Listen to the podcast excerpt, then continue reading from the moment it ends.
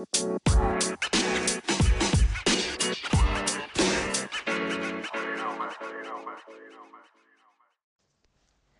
pejuang lingkungan, kembali lagi di podcast KMPL 2020 Talk About Our Environment, episode kelima dengan saya penyiar magang Nadia.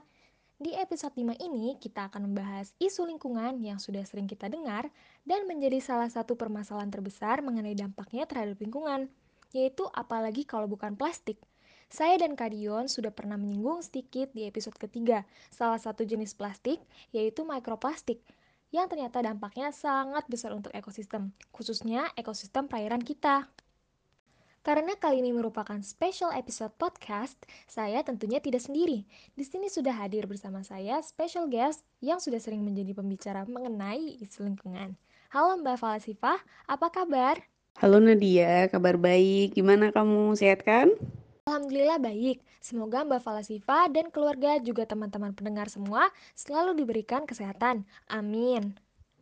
Mbak Falasifa adalah Direktur Research and Development dari PT Alga Bioteknologi Indonesia, Ketua Yayasan Selaras Bumi Arya Satya, dan Eksekutif Director dari Back In. Tanggal 26 Juli kemarin, Mbak Falasifa menjadi salah satu pembicara di Pawai Bebas Plastik 2020 di sesi kearifan lokal untuk solusi global. Sangat menarik nih Mbak. Bisa minta tolong dijelaskan sedikit bagaimana caranya kearifan lokal ini menjadi solusi untuk mengurangi sampah plastik. Oke, terima kasih Nadia. Bicara tentang kearifan lokal, sebenarnya kearifan lokal itu biasanya melekat dalam uh, di suku-suku maupun di daerah-daerah di Indonesia dan itu turun menurun. Dan kearifan lokal yang ada di Indonesia itu tidak ada plastik itu menunjukkan bahwa sebenarnya jati diri bangsa Indonesia itu dari dahulu itu nggak ada plastik gitu dan hubungannya kaitannya dengan plastik ini bahwa plastik itu bukan bagian dari uh, baik budaya masyarakat lokal kita maupun apa yang akan kita bawa untuk masa depan anak cucu kita gitu Nadia. Seperti yang sudah disampaikan pada Pawai Bebas Plastik 2020, dan setelah mendengar penjelasan Mbak Falsifah, ternyata Indonesia ini memiliki kekayaan budaya berupa anyaman dan lanjutan. Kalau favorit saya adalah noken dari Papua Barat. Noken ini bisa dibilang modelnya kekinian, teman-teman, dan bisa menjadi fashion item favorit kalian juga. Jadi selain kita bisa mengurangi sampah plastik, noken ini bisa dipakai sebagai upaya kita melestarikan budaya. For your information, teman-teman, produksi sampah di Jawa Tengah yang saya kutip dari semaranginsight.com, pernyataan dari pakar lingkungan Universitas Diponegoro, Profesor Syarifuddin, Jawa Tengah sudah termasuk kategori darurat sampah. Pada 2016 saja, produksi sampah mencapai 5,7 juta ton. Jumlah tersebut naik 335 ribu ton dibanding 2015 yang sebesar 5,3 juta ton. Banyaknya sampah di Jawa Tengah tidak luput dari peran pemerintah yang seharusnya mengkampanyekan kebijakan tentang aturan sampah. Menurut Mbak Falasifah, bagaimana peran pemerintah saat ini? Apakah sudah cukup pro terhadap lingkungan? Menurut saya, pemerintah sudah lumayan cukup pro ya untuk mendukung bagaimana kita melestarikan lingkungan. Bahkan pemerintah pun juga mencoba untuk membuat beberapa regulasi. Salah satu regulasi yang dibuat itu dari KLHK. KLHK itu mencanangkan bagaimana Indonesia bersih dan bebas sampah di tahun 2030 dan pengurangan sampah hingga 70% dari sumber. Itu komitmen dari KLHK. Di sisi lain, juga ternyata di kota Semarang sendiri pemerintahnya juga pro atau membuat regulasi berupa peraturan perwali atau perwal Semarang nomor 27 tahun 2019 tentang pengendalian sampah plastik yang sudah dikeluarkan tahun 2019 tepatnya di Juli gitu.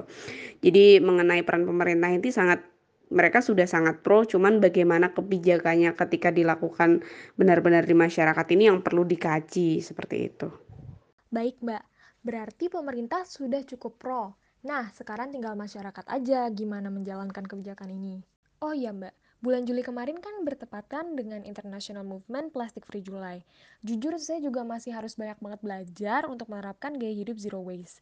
Mungkin teman-teman di rumah juga ada yang ingin membantu, tapi bingung harus mulai dari mana. Menurut Mbak, langkah kecil apa yang sebenarnya harus dilakukan tapi sering diabaikan dalam usaha untuk melestarikan lingkungan? Oke, ya terima kasih pertanyaannya dia. Jadi plastic free Juli itu memang dilakukan untuk kita melakukan gerakan bersama-sama sebagai refleksi bahwa memang bumi kita ini sedang gak baik-baik aja gitu karena bicara tentang bagaimana sih mengatasinya atau apa sih langkah kecil yang bisa kita lakukan sesimpel sebenarnya kita melakukan itu dari diri kita sendiri dengan menjaga diri kita sendiri. Kenapa seperti itu? Karena sebenarnya bicara masalah plastik itu sumber masalahnya tuh dari diri kita. Example kita terlalu banyak sekali mengkonsumsi sesuatu sehingga kita menghasilkan banyak plastik karena kita mau nggak mau membeli sesuatu dengan plastik dan lain sebagainya. Jadi sesimpel kita mengontrol konsumsi kita, kemudian kita mengontrol pola hidup kita itu adalah hal-hal simpel yang bisa kita lakukan.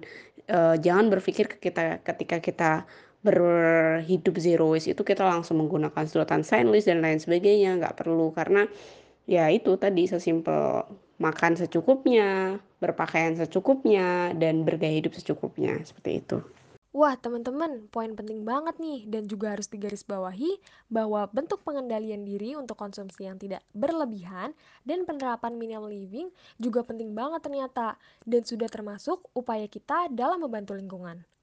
Mungkin banyak juga yang ingin memulai tapi bingung mulai dari mana sih?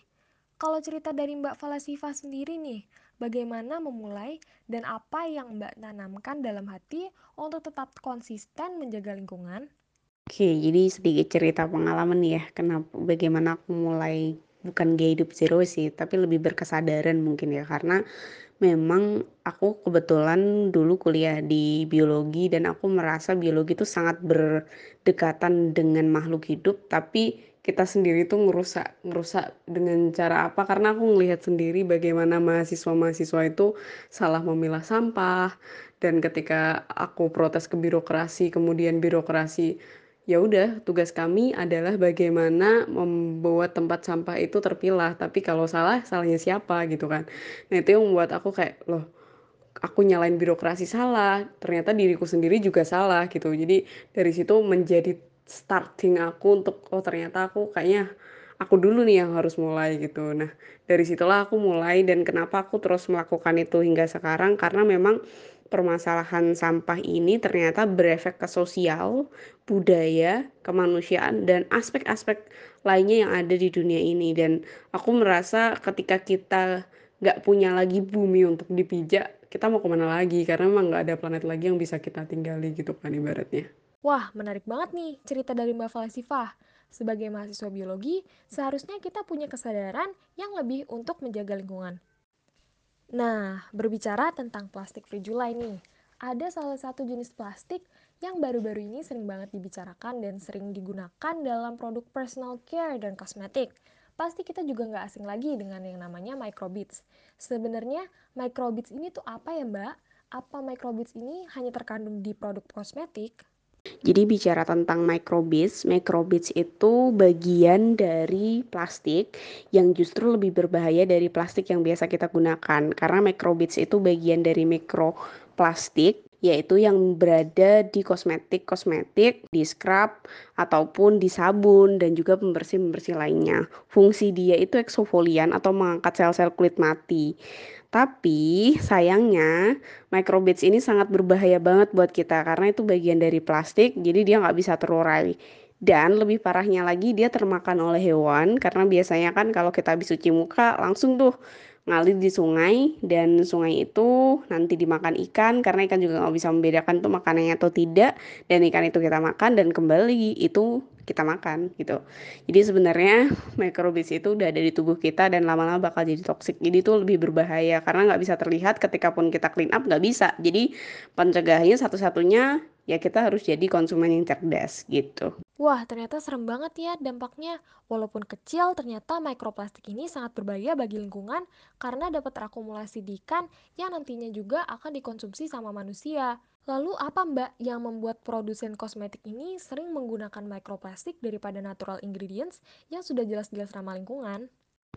microbeads itu kalau di mata produsen pasti yang dilihat adalah bagaimana tingkat apakah dia murah atau enggak. Dan microbeads ini masuknya murah banget. Dan tahu kan plastik itu sangat murah gitu. Dan murah mudah lagi. Dan sedangkan kayak microbeads ini kan fungsinya sebagai pengangkat sel-sel kulit mati. Sebenarnya kayak di scrub-scrub alami bengkoang terus juga telur dan lain-lain sebagainya juga ada. Tapi itu kan masih bersaingan dengan kita. Kita sebagai mah e, dikonsumsi oleh kita. Jadi itu sangat bersaingan dengan industri pangan dan juga harganya pasti jauh lebih mahal dan plastik lebih murah sehingga produsen pasti milih yang lebih murah dan lebih mudah gitu. Lalu Mbak, berkaca dari beberapa negara lain seperti Australia dan bahkan India di tahun 2020 ini sudah melarang penggunaan microbeads di produk-produk wash off atau produk-produk yang dibilas dengan air. Sebagai negara kepulauan, seharusnya pemerintah lebih membuka mata terhadap bahaya microbeads dan akibatnya bagi perairan Indonesia. Nah, Mbak, saya kan seorang yang sering menggunakan produk personal care dan kosmetik. Saya juga khawatir, apakah di dalam produk kosmetik yang saya gunakan mengandung microbeads? Saya mau tanya, Mbak, kalau di daftar ingredients, mikroplastik ini didaftarkan sebagai apa atau bahkan tidak dicantumkan sama sekali oleh produsen? Cerita tadi tentang Australia keren ya gitu. Kenapa kita nggak melakukan itu? Jadi aku jadi pengen sedikit cerita. Uh, sebenarnya aku pernah cerita ke salah satu dirjen di KLHK mengenai hal itu. Kenapa kita nggak fokus ke mikroplastik sih gitu? Padahal isu mikroplastik juga lama-lama bisa juga menghancurkan generasi kita karena kan kalau terakumulasi jadi karsinogenik, kanker dan lain sebagainya. Sebenarnya uh, kenapa pemerintah belum fokus ke sana itu dikarenakan ya kita lihat aja deh uh, makroplastik aja kita masih pelan-pelan menyelesaikannya. Jadi untuk ke, menuju ke mikroplastik itu memang perlu waktu dan mungkin regulasi setelah tahun 2030 kita masyarakat uh, lingkungan bisa kali ya menyuarakan tentang itu dan sampai sekarang pun kita juga sebenarnya menyuarakan tapi nggak bisa dipungkiri bahwa yang lebih urgent juga makroplastik gitu. Gimana sih caranya kita mengatasi atau melihat ingredients yang ada di kosmetik kita? Coba cek sekarang juga ya. Dicek kalau ada tulisan polietilen, polipropilen, atau polietil metasilin atau PMA biasanya PMMA biasanya. Nah, itu berarti salah satu kandungan yang ada di kosmetik teman-teman nih itu mengandung microbeads karena itu bagian dari plastik ya karena plastik itu kan jenisnya banyak banget. Cuman kadang kita emang nggak nggak aware terhadap itu. Tapi paling sering itu biasanya memang polietilen. Jadi dilihat aja polietilen gitu pasti ada. Yuk coba teman-teman dicek sekarang apakah produk personal care atau kosmetik kalian mengandung microbeads. Sebenarnya Indonesia juga banyak menawarkan tumbuh-tumbuhan yang dapat dimanfaatkan sifatnya sebagai eksfoliator, seperti biji kopi atau kunyit ya mbak, seperti yang kemarin sudah disampaikan di Pawai Bebas Plastik 2020. Kalau teman-teman penasaran dengan isi Pawai Bebas Plastik 2020, videonya masih banget bisa ditonton ulang melalui YouTube. Nah, kita sudah sampai nih Mbak di ujung podcast pertanyaan terakhir dari saya mengenai kampanye Plastik Free July. Apa harapan Mbak dalam international movement ini? Cepet banget ya kita sampai di penghujung podcast. Oke. Jadi di Pawai Bebas Plastik sebenarnya kita menyampaikan beberapa aspirasi dari grassroots atau masyarakat yang kayak seperti kita, komunitas, bagaimana kita bisa mendorong pemerintah untuk melakukan hal-hal yang baik secara regulasi maupun juga bagaimana pemerintah membantu kita semua untuk bisa menjadi masyarakat yang peduli terhadap lingkungan gitu kan. Nah, kita menuntut tiga tuntutan sih yang paling penting yang pengen aku sampaikan ke teman-teman semua gitu yang dengerin. Yang pertama, kita pengen banget mendorong pemerintah untuk melarang penggunaan plastik sekali pakai dan itu diberlakukan di seluruh Indonesia karena saat ini kita tahu bahwa hanya beberapa kota atau beberapa provinsi yang masih menerapkan itu dan belum di semua daerah. Yang kedua, kita menuntut untuk mendorong pemerintah untuk memperbaiki sistem tata kelola sampah. Karena kita ketahui tata kelola sampah kita saat ini masih banyak yang perlu diperbaiki. Kita masih menggunakan insenerator yang itu pun masih jadi pro kontra di komunitas ataupun masyarakat lingkungan gitu. Yang ketiga, kita mendorong produsen dan juga pelaku usaha untuk bertanggung jawab atas sampah pasca konsumsi. Karena kita tahu selama ini kita produsen kita tuh hanya membuat tapi mereka nggak tahu sampah mereka di mana. Nah, harapannya produsen-produsen kita juga aware gimana membuat satu produk yang nggak menghasilkan sampah kalau bisa dan kalaupun menghasilkan sampah mereka mau bertanggung jawab baik itu sistem EPR atau extended production responsibility ataupun apa sistem mereka sehingga sampah itu tidak lari ke lingkungan seperti itu. Itu dia bincang singkat dan seru saya bersama Mbak Falasifah mengenai pawai bebas plastik, plastik July, dan microbeads. Semoga teman-teman mendapatkan insight dari podcast kali ini ya. Yuk kita berjuang bersama dalam memerangi pencemaran lingkungan. Saya ingin mengucapkan terima kasih banyak untuk Mbak Falasifah yang sudah bersedia meluangkan waktunya untuk hadir dalam podcast ini. Ya, sama-sama. Kembali kasih. Terima kasih juga untuk teman-teman pendengar. Kalau kalian mau diskusi tentang plastik free July atau punya ide lain untuk podcast selanjutnya, atau bahkan punya kritik dan saran untuk podcast KMPL 2020, silakan berkomentar dan jangan lupa berikan like dan share podcast KMPL 2020 agar semakin banyak orang-orang yang aware terhadap isu pencemaran lingkungan. Jangan lupa juga follow Mbak Falasifa at falasifa underscore underscore dan at backin b a c k i n d di Instagram untuk update isu-isu lingkungan terkini. Saya Nadia dan Mbak Falasifa pamit undur diri, stay safe, dan tetap taati protokol kesehatan. Bye!